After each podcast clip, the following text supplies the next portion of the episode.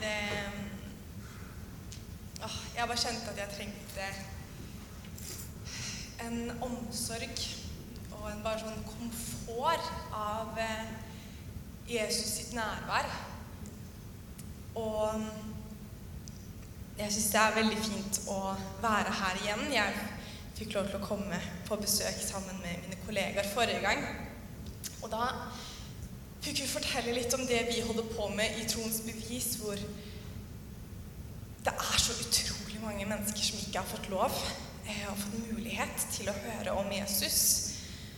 Han som vi kan sitte her og bare få lov til å nyte nærværet av. Han som vi får lov til å synge fritt om, snakke fritt om, leve med, kjenne. Og jeg har ikke alltid brydd meg om eh, at det er så mange som ikke har hørt om Jesus. Jeg har vært veldig mye opptatt av mitt liv og min tro. Men jo mer jeg går med Jesus, og jo nærmere jeg kommer han, jo nærmere jeg kjenner eh,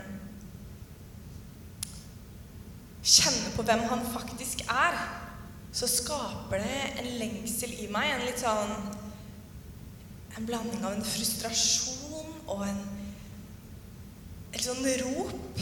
Et 'jeg må gjøre noe'-følelse på at det er så mange mennesker som ikke har fått hørt om han.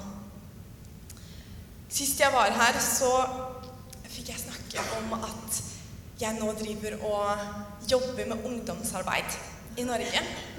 At vi har en generasjon av unge mennesker som vokser opp, får høre om Jesus, vokser opp i kristne hjem, men ikke har noen opplevelse av hvem Jesus er, ikke har fått en personlig opplevelse med Gud. Så når de går ut i skolene sine, til fotballaget sitt, til, eh, på jobben sin, så, så tar de ikke med seg sine egne erfaringer, men de tar med seg noe de har hørt. Og, og det er fint, men når man ikke har en egen opplevelse eller en egen erfaring eller en egen forståelse over at man er blitt frelst, og hva det betyr å være en kristen og følge Jesus og ha en relasjon til ham, så syns jeg ikke det er så rart at det er mange unge kristne som faller bort fra troa, og som velger det bort. Og som syns det er kjedelig å være i kirka. Syns det er kjedelig og, opplever mer mening utenfor kirka vår. Og For meg så er det en oppvekker, og dette her er noe jeg har lyst til å jobbe med. Og det er det jeg holder på med, at jeg får lov til å hjelpe ungdomspastorer og ungdomsledere og ungdomsarbeid til hvordan er det vi kan forsyne og formidle et helt budskap om hvem Jesus er. Hvordan er det vi kan vise at Jesus lever? At vi trenger å høre om han, at folk i Norge trenger å bli kjent med han, og at det er tre milliarder mennesker som aldri, som ikke har peiling på at det fins en Gud som ønsker en relasjon med dem, og som har frelst dem og reddet dem. Og så, når jeg har reist litt rundt, så syns jeg det er interessant hva slags bilde også folk kan ha av meg. Eller ha egentlig av forkynnere generelt, som drar rundt og er engasjerte og, og forkynner. Og så har Trond blant annet teamet spurt om jeg kan komme hit og dele historien min. Fordi For meg så har det absolutt ikke vært en selvfølge at jeg er der hvor jeg er i dag. Jeg hadde ikke et godt utgangspunkt i mitt liv for å verken å følge Jesus eller å stå på en scene og snakke om han, eller jobbe med å engasjere andre mennesker. Og jeg må være helt ærlig med dere at jeg har nå forsynt i faktisk nesten fem år. Jeg er 24 år og så fikk lov til å starte tidlig.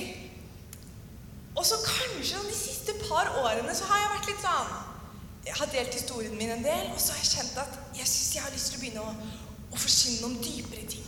Og jeg har studert teologi i tre år og tenker at det er så mye spennende og viktig å dele om i Bibelen. Og, og egentlig vært litt sånn nå, nå, er vi ferdig.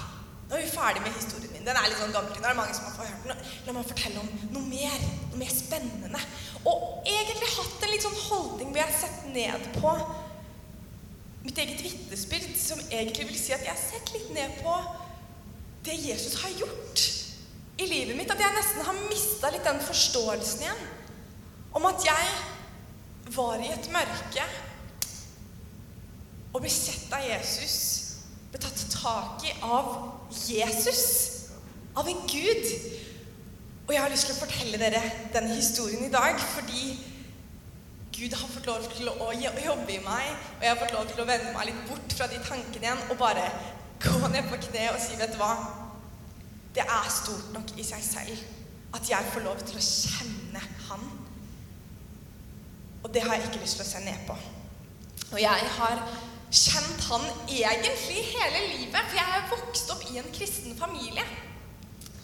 Og mamma hun er fra Trysil, og min pappa han er fra nabobygda Pakistan. Så det er eh, to veldig forskjellige verdener.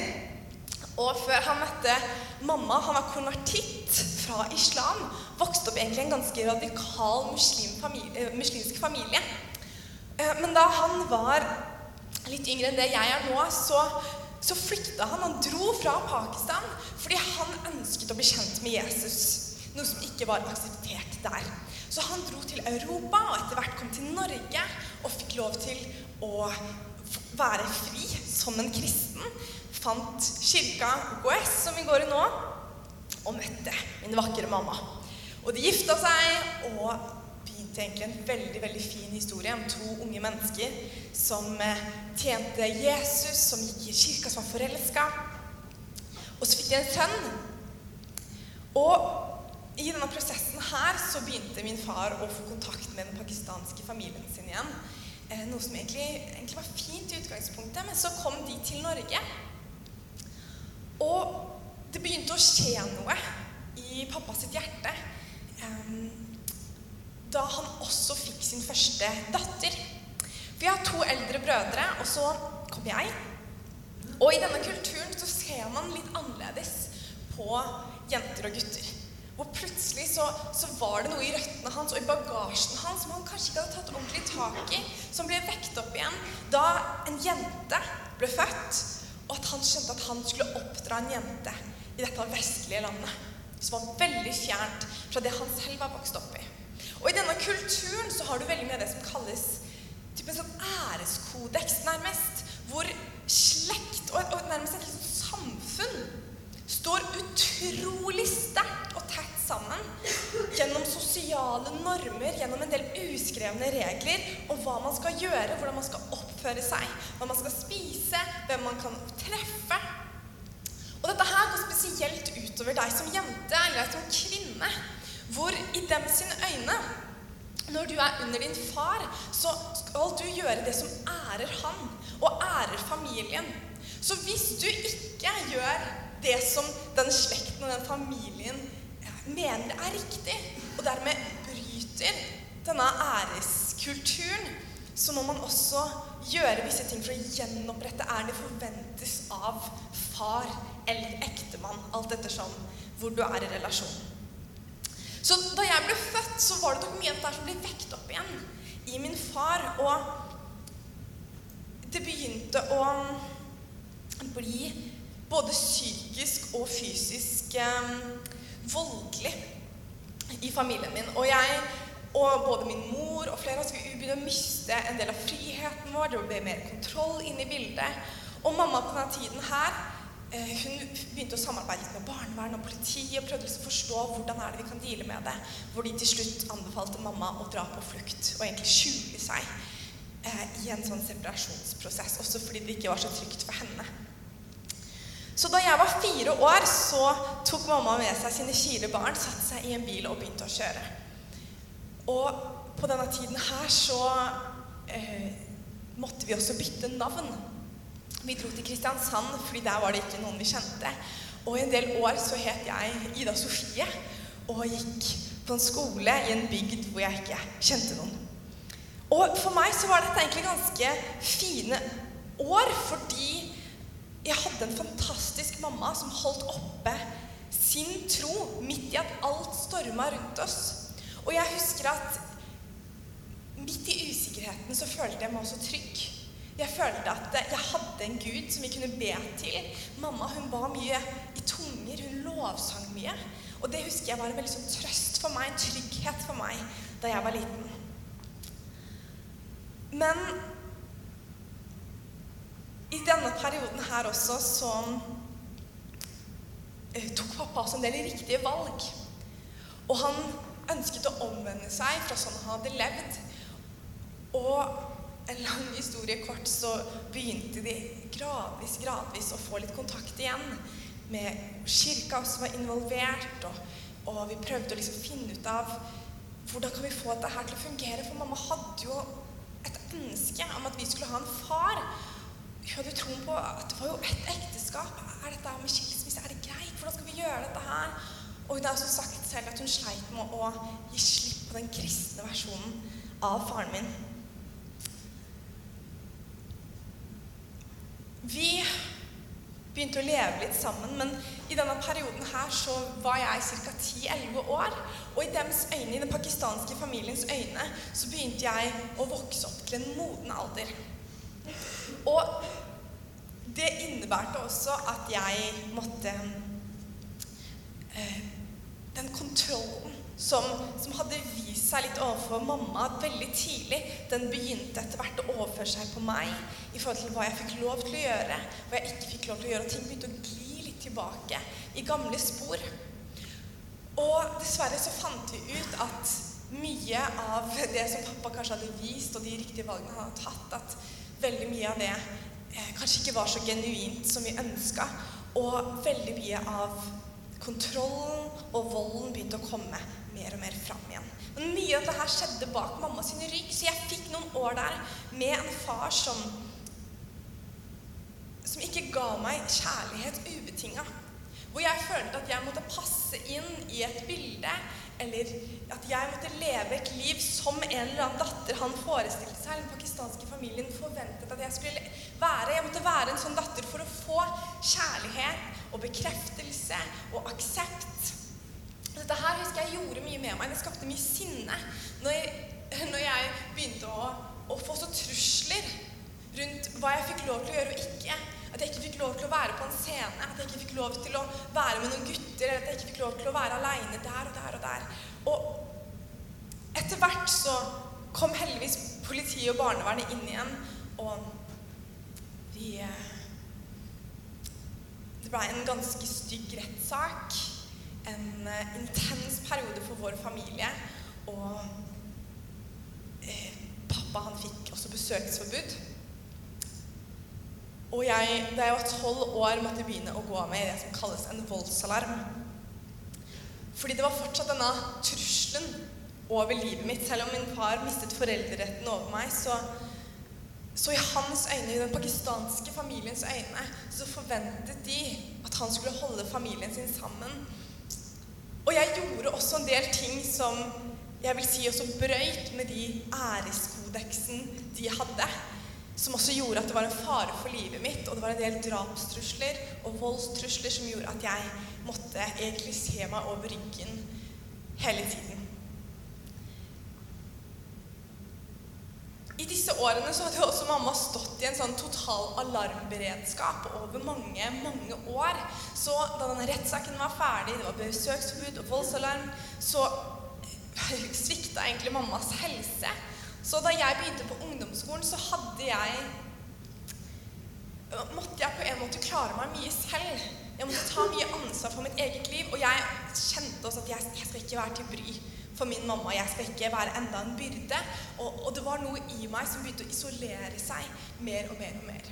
I, dette, I, denne tiden så hadde jeg som sagt en tro på Gud.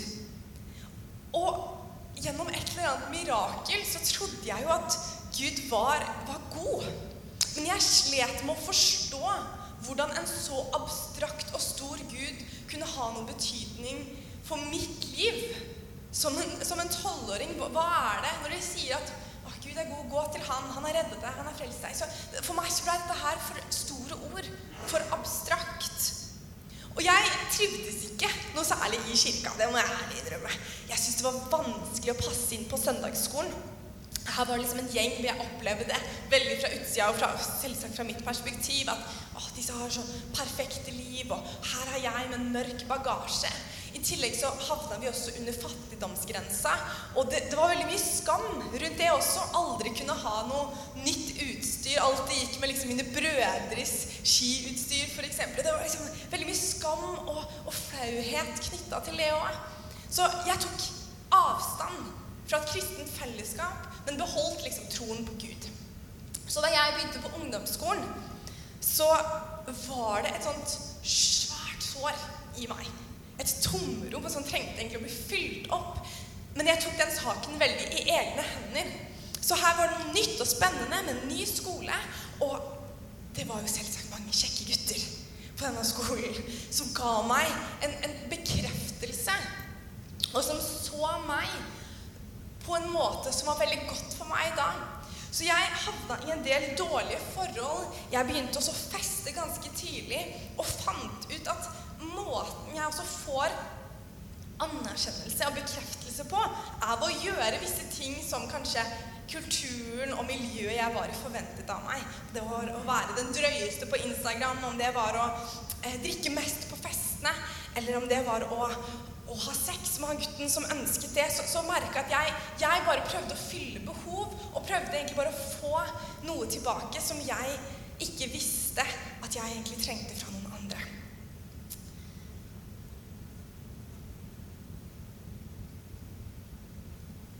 Så I denne tiden her også så var det jo utrolig tungt å gå med voldsalarm Du hadde liksom det livet, og så hadde du mange av de konsekvensene jeg følte jeg hadde brakt på meg selv, med en del dårlige valg jeg også tok. Og så hadde jeg begynt å få litt interesse for kirka igjen. Men da jeg begynte i kirka, så følte jeg at jeg hadde allerede gjort så mye feil. Jeg hadde allerede, når, når, Da de prata om at du må vente med sex til ekteskapet, så visste jeg at ja, men jeg har jo allerede hatt sex, og da, da gjelder, hva, hva, hva, har det å si for meg? Da vil sikkert ikke Gud ha noe med meg å gjøre. Eller da de prata om at eh, du må ikke drikke deg full, og jeg visste at jeg allerede hadde gjort det, så ble det skapt en sånn avstand hvor jeg følte at kirka det, det var, måtte jeg ha på meg enda en maske. Hjemme måtte jeg ha på meg en maske. På skolen måtte jeg ha på meg en maske. Og, og det blei så lite ekte liv. Og midt i dette her så merka jeg at det begynte å skape seg en del mørke tanker. For jeg prøvde på forskjellige måter å få hjelp. For jeg, for jeg trodde jo, og hadde jo hørt, at man kunne få et godt liv. Jeg bare visste ikke hvor jeg skulle gå, og jeg følte meg så utrolig aleine i den reisen. Så på slutten av ungdomsskolen så følte jeg at jeg var på et utrolig mørkt sted. Og jeg tenkte at nå må jeg bare begynne på videregående. Når bare livssituasjonen min forandrer seg. Eller jeg bare får tatt det oppgjøret med kjæresten min. Eller jeg bare får gjort det litt bedre på skolen.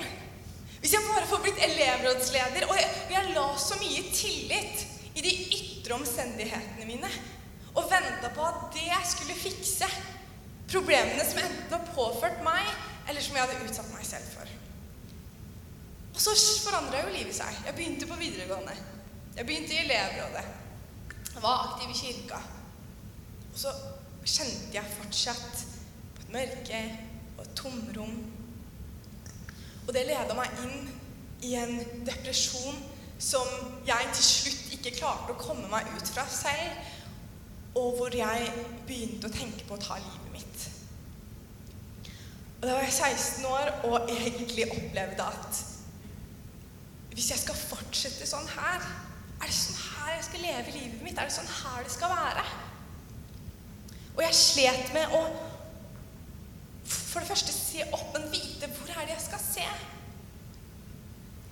Gjennom ungdomsskolen så hadde jeg jo vært konfirmant, og jeg hadde to bibelvers som jeg hadde markert i bibelen min. Og så hører du jo, ikke sant, kanskje fra ungdomspastoren at det er viktig å lese i Bibelen.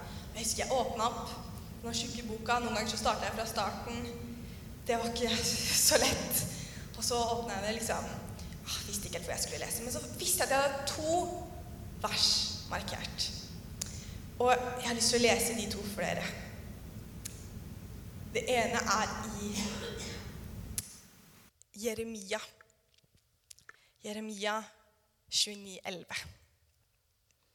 For jeg vet hvilke tanker jeg har for dere, sier Herren. Fredstanker og ikke ulykkestanker. Jeg vil gi dere fremtid og håp. Og det verset kunne jeg lese når jeg var utrolig langt nede. Og jeg forsto det på en måte ikke, for jeg forsto ikke hvordan han kunne gi meg en framtid, eller hva den framtiden så ut som. Men det traff noe dypt i meg som gjorde at jeg sleit med å ende det. Det skapte et håp i meg som lyste så sterkt da det blei så mørkt. Og det andre verset som jeg hadde markert, det var Jesaja 40, 29-31. Så står det Han gir den trette kraft. Og den som ikke har krefter, den gir han stor styrke. Gutter blir trette og slitne, og unge menn snubler og faller. Men de som venter på Herren, de får en ny kraft. Og de løfter vingene som ørnen, og de løper, og de blir ikke slite. De går og blir ikke trette. Og jeg husker det Det forundra meg. Er det, er det sånn her noen har det? Hvordan venter man på Gud? Det skapte en sånn nysgjerrighet. Og skal jeg være helt ærlig, så hjalp det meg bare med å komme gjennom den dagen. Og da jeg var på mitt mørkeste og lurte på skal jeg bare ende det Jeg kommer jo til himmelen, tenkte jeg. Det er jo så mye bedre der, sikkert. Så huska jeg på at han har en fremtid for meg nå. Og han gir når jeg er trøtt, når jeg er sliten. Så gir han meg en kraft. Og det var akkurat nok til at jeg turte å spørre om hjelp en siste gang. Så da var det en fantastisk miljøterapeut på skolen min som bare pleide å, å prate med meg i gangene. Og til henne så gikk jeg til slutt og sa at nå er jeg så lei, og jeg veit ikke om jeg er her i morgen hvis ikke jeg får hjelp nå. Og jeg er så glad for at hun tok meg på alvor. Hun så meg, og hun ringte mamma, som egentlig ikke visste hvor alvorlig det hadde vært. Og mamma, hun, hun tok meg med til legen. Jeg fikk en fantastisk psykolog som var utrolig godt for meg. Og midt i dette her så hadde mamma også en tro. Hun tror at det er så viktig med psykologer, så viktig med mennesker som kan snakke med deg, hjelpe deg, sortere tankene dine. Men så tror vi også at det er noe du kan bli satt fri fra. Så hun hadde en venninne som hun lurte på om jeg kunne være med til. Kan vi ikke dra til henne? Og så kan hun be for deg. Og jeg skal jeg være helt ærlig om hun hadde sagt jeg har en dame som driver med yoga, New Age, la oss dra til henne, så tror jeg jeg hadde sagt ja uansett. For jeg var litt sånn Samme det. Jeg var sånn, vet du hva, Gjør hva du vil. Jeg følte jeg allerede hadde prøvd alt. Så jeg hadde ikke noen sånn veldig forhåpninger eller forventninger. Men det var utrolig deilig for meg å kunne bare lene meg litt på mamma sin tro.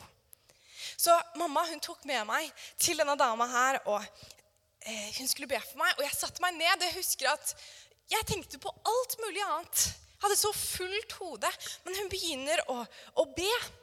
Og midt i disse tankene mine så er det som om ting bare stilner, og det er et bilde som dukker opp.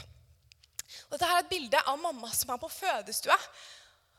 Og på denne tiden her så visste de ikke hvilket kjønn jeg var. Så jeg hadde to eldre brødre, og så blir jeg født, og så tar legen meg opp, og så sier de 'Å, se, det er en jente'. Men istedenfor den gleden en far kanskje skal vise å ha I dette bildet her så ble min far han ble helt mørk. Enten av øh, frykt, skuffelse, bekymring. Men, men, det var et mørke der som jeg følte hadde fått lov til å henge over meg i 16 år. Et mørke som gjorde at jeg ikke fikk lov til å, å se klart. Som jeg hadde prøvd å bli kvitt ved å søke alle andre steder. Og Jeg husker jeg begynte å gråte, og seinere fortalte jeg altså dette bildet her til mamma.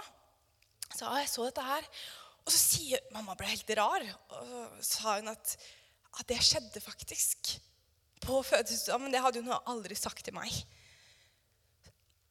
Og så sier hun dama som ber for meg, at vi tror at Jesus kan vise deg røttene til problemene dine. Men så tror vi også at han kan gjøre noe med dem. Så kan jeg be en gang til for deg.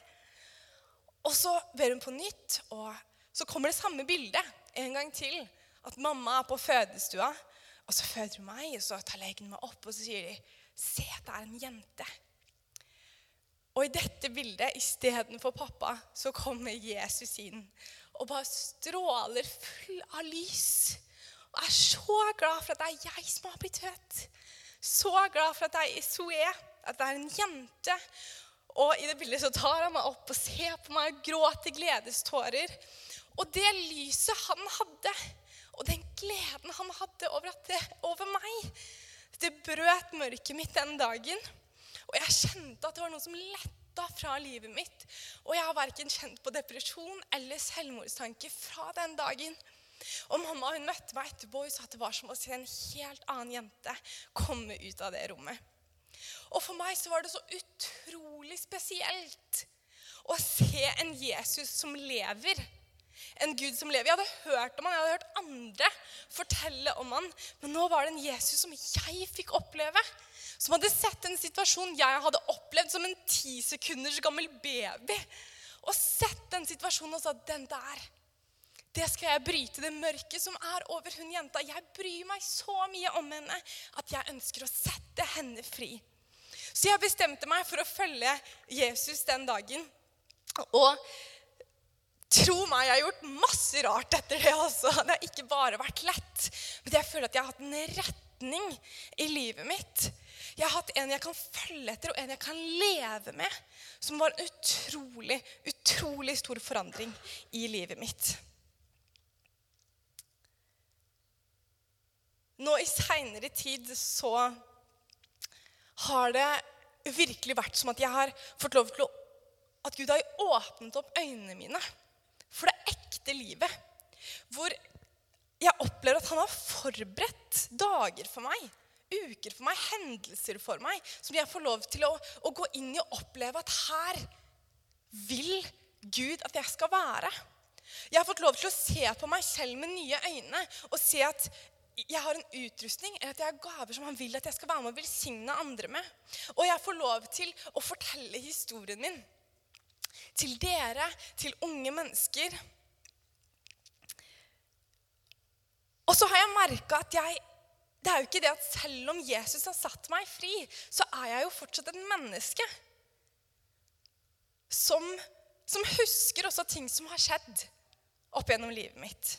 Og det har jeg måtte tatt litt ansvar for. Og det er utrolig vondt å måtte ta ansvar for det andre har påført deg. Men jeg har trengt å tatt runder fortsatt. Gjør fortsatt det. Ta til runder med ting som har fått lov til å sette spor i meg. Og hele tiden gå med Jesus. Det var ikke en quick fix. Selv om han satte meg fri, så ville han fortsatt OK, skal vi leve sammen? Skal vi gjøre dette her sammen, så jeg? Så har jeg lyst til å fortsette å sette deg fri. Fortsette å helbrede deg. Fortsette å vise deg nye ting ved deg selv hvis du har lyst til å gå sammen med meg. Jeg har måttet passe på at jeg ikke legger identiteten min i det jeg gjør. I det jeg holder på med. Jeg fikk lov til å dele litt med dere nå bare helt i starten om at eh, denne historien her At jeg blei litt sånn blind for hva som faktisk egentlig skjedde. For jeg føler jeg snakker om en helt annen jente. Fordi jeg, jeg veit jo Jeg opplever jo virkelig at jeg var på vei én retning, men at hele retningen min har snudd tross alle odds. Da jeg var sjenert og nedtrykt, så kan jeg plutselig stå på en scene og prate fritt. Jeg har fått en fantastisk ektemann som jeg har vært gift med i tre år. Jeg har fått lov til å leve et liv som jeg bare aldri kunne sett for meg at jeg fikk lov til å kunne. Og så må jeg passe på å fortsette å gå til Jesus, fortsette å bare bade meg selv i det bildet om at jeg er hans datter. Det er han jeg tilhører. For det er jo fortsatt så mange ting som prøver å krige om oppmerksomheten min, prøver å friste meg til å si at her finner du enda mer bekreftelse. Her kan du finne enda mer glede. Dette her er lettere, dette er en lettere vei. Og jeg har vingla i denne reisen med Jesus men det har vært utrolig, utrolig godt å ha mennesker rundt meg som har båret en tro som jeg kan få lov til å se til, og som jeg har fått lov til å leve med. som kan også veilede meg, for jeg merker at jeg fort kan gjøre troslivet mitt aleine. Når jeg har jobba med ungdom, og når jeg har jobba med ungdomsarbeid Jeg syns det er fantastisk å prate med ungdom. Men skal jeg si hva jeg nesten liker enda bedre for tiden? Det er å prate til dere som er litt voksne. Om alle vi unge som trenger dere. Vi trenger å se troen deres. Vi trenger å se livet deres. Vi trenger å se eksempler på hvordan Jesus er. Vi trenger å se eksempler på hva kjærlighet er. På hva håp er, på hva fred er. Alle disse ordene som var så abstrakt for meg. Og vi trenger mennesker som hjelper oss og tilrettelegger for at vi kan få opplevelser med Jesus. For det er utrolig mye vi kan snakke om. Men det er noe helt annet når vi selv får se hvem han er. Når vi selv får oppleve hvem han er. Men også etter det så trenger jeg fortsatt mennesker rundt meg med en tro som jeg kan lene meg på. En tro som jeg kan se opp til. Men så merker jeg at veldig mange voksne er litt sånn Å, fantastisk at nå er, det, neste generasjon. Jeg skal ikke ta noe plass. Eller at man kanskje tenker at Hva har jeg å tilby? Hva har jeg å gi? Og når jeg har reist rundt, så blir jeg helt oppriktig utrolig lei meg av å se hvor mange eldre og voksne mennesker som tror det ikke er plass til dem. I det oppdraget vi har fått om at enda flere mennesker skal få oppleve å se kjærligheten til Jesus. Og der trenger vi alle aldre, alle personligheter, alle typer gaver og utrustninger, alle typer liv.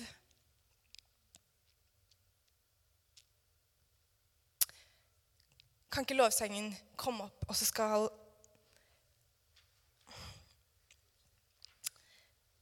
Har jeg lyst til å, å be for dere, fordi jeg har gått i en prosess hvor jeg til vanligvis egentlig har munndiaré når jeg preker og når jeg ber. Og jeg må helt ærlig si at nå, jeg har holdt litt igjen nå. Men jeg merker at det er godt for meg å prøve å La også Den hellige ånd tale til dere. Og for deg som ikke er så vant til det, så tror jeg at jeg kan stå her og åpne opp rommet. Jeg kan få lov til å dele min historie. Jeg kan få lov til å åpne opp Guds ord. Men jeg er så glad for at det ikke er jeg som skal gå inn i hvert enkelt hjerte og overbevise dere. For jeg tror at Gud han er kjempeaktiv her nå. Han er kjempeaktiv i å ønske deg nærmere han. Han er kjempeaktiv i å prøve å vise deg hvem du er. I å prøve å vise 'her er jeg'. At han vil snakke til deg, at han vil løfte opp situasjoner i ditt liv som han kan gjøre noe med. Som han har lyst til å bruke. Og jeg tenker det er så viktig å bare gi plass til Gud. Og det ønsker jeg nå. Jeg fikk lov til å oppleve at Jesus var et håp for meg. Og så veit jeg at vi har forskjellige syn og perspektiver på hvem Gud er. På hvordan verden er. Og jeg har lyst til å snakke til deg som Eller be for deg som lengter. Som kanskje opplever Kanskje du er foreldreløs. Kanskje du opplever en type følelse av at du ikke har noen mennesker rundt deg. Har noen voksne mennesker. Kanskje Gud har fått den kjærligheten du trenger. Eller den bekreftelsen du trenger. så har jeg noen gode nyheter til deg. Om en som ønsker deg. Om en som kan helbrede de tomrommene i hjertet ditt, slik han helbreda mitt. Og han har sendt inn gode, voksne, åndelige fedre inn i mitt liv.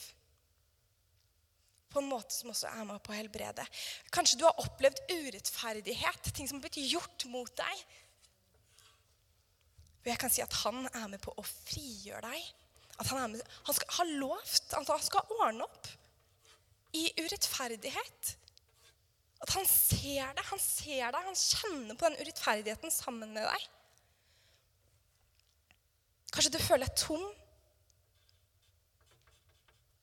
passiv, likegyldig.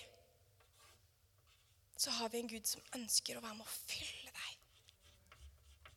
Som kan gi deg det du ikke visste du trengte engang. Kanskje du kjenner på en fordømmelse, skam over ting du har gjort, eller ting du ikke har gjort. Eller du kjenner at stoltheten din og egoet ditt at det ofte kommer i veien for Guds planer, eller det du opplever Gud vil ha deg med på. Så jeg har bare lyst til å si Gud, han tilgir deg.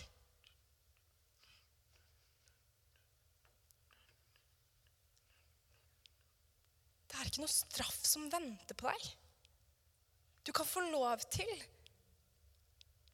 å ta imot det han har gjort for deg. Du skal slippe å skamme deg lenger.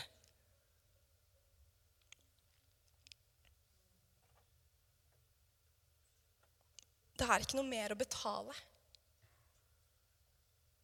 Og du kan få lov til å komme fram akkurat sånn som du er, til en som ønsker å ha noe med deg å gjøre. Kan vi ikke reise oss opp? Og så skal vi begynne å spille litt og få lov til å kjenne at uansett hvor du er, uansett hva du har opplevd eller ikke opplevd Om du er her som har trodd på Jesus hele livet ditt, eller kanskje du aldri har tatt det valget om å følge Jesus, at du ønsker å bli kjent med ham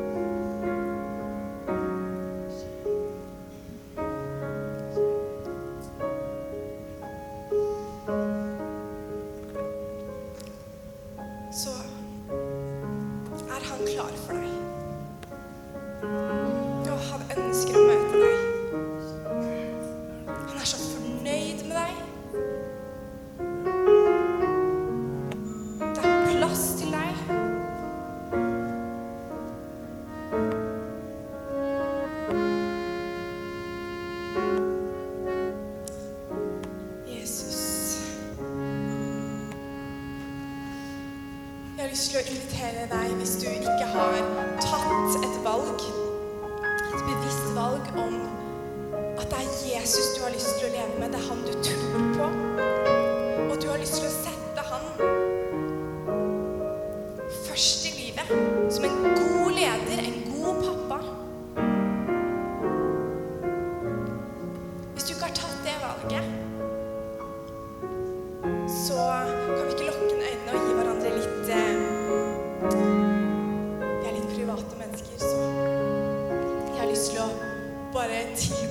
muligheten til å si ja, Jesus, jeg vil følge deg, jeg tror på deg. Hjelp meg med å se deg klarere. Så hvis du ønsker det, så kan du få lov til å bare rekke opp hånda, så skal jeg bare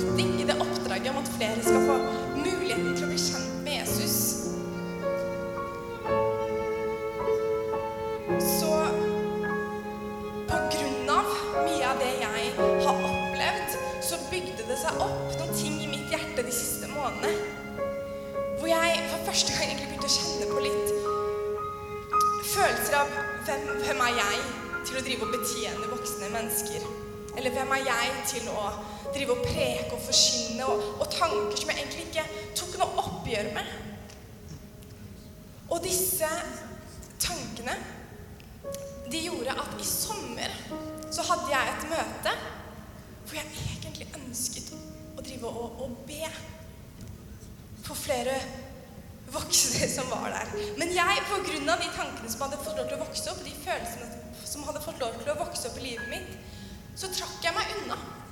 Og jeg avslutta og sa takk for meg, gikk ned fra scenen. Og etterpå så kom det en, av, en mann til meg som jeg stoler på og kjenner godt.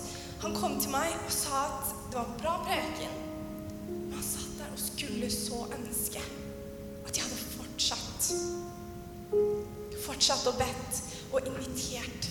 For han kjente at han var så klar for å bli tatt litt tak i. Og det gjorde noe med meg, for jeg forsto at de tingene jeg ikke tar tak i i mitt hjerte, og i mitt liv, det er også med på å påvirke andre mennesker. Det er med på å påvirke den utrustningen og det kallet og de gavene Gud har gitt til meg. Og derfor er det ikke noe egoistisk å ta vare på deg selv. Ta vare på din mentale helse. Ta deg selv på alvor. Prate med noen. Så jeg har bare lyst til å oppfordre deg som kanskje sliter eller har tanker hvor du rakker ned på deg selv, eller at det er fort lov til å vokse fram grums i livet ditt og hjertet ditt som kanskje har vært der i noen uker, i noen måneder, kanskje mange, mange år. Så kjenner jeg at Gud har lyst til å sette deg fri fra de tingene. Og har lyst til å gi deg en push til å ta tak i det. Og ta ansvar for ditt hjerte og ditt indre. Sånn at du kan begynne se på andre med Guds øyne begynne å se på deg selv med Guds øyne. Og se det potensialet som ligger i deg. For det er ikke bare deg i din kropp lenger hvis du tror på Jesus. Da har også Jesus, Gud, flytta inn på innsiden din. Og det er også en del av oppdraget å ta vare på deg, sånn at det skal være et godt sted for Gud å få lov til å virke. Og at det skal være godt for deg òg. Gud bryr seg om deg. Og vi trenger deg. Og jeg trenger, og vi unge mennesker trenger, at du ikke ser ned på deg selv, men tør å ta din plass. Tør å ta troa di på alvor. Og det gjelder også dere som er unge her òg. Ta det på alvor, det som er i deg. Så nå skal jeg få lov til å bare la Den hellige ånd betjene, vekke opp hva enn som kommer i deg. Og så skal du bare få lov til å ha en tid med Gud. Mens vi skal få lov til å lovsynge. Så jeg leder inn i en bønn, og så bare fortsetter vi å lovsynge etter det. Og bare be. Vær med Gud. Spør Han. Hva trenger jeg å ta på alvor i mitt liv? Hva trenger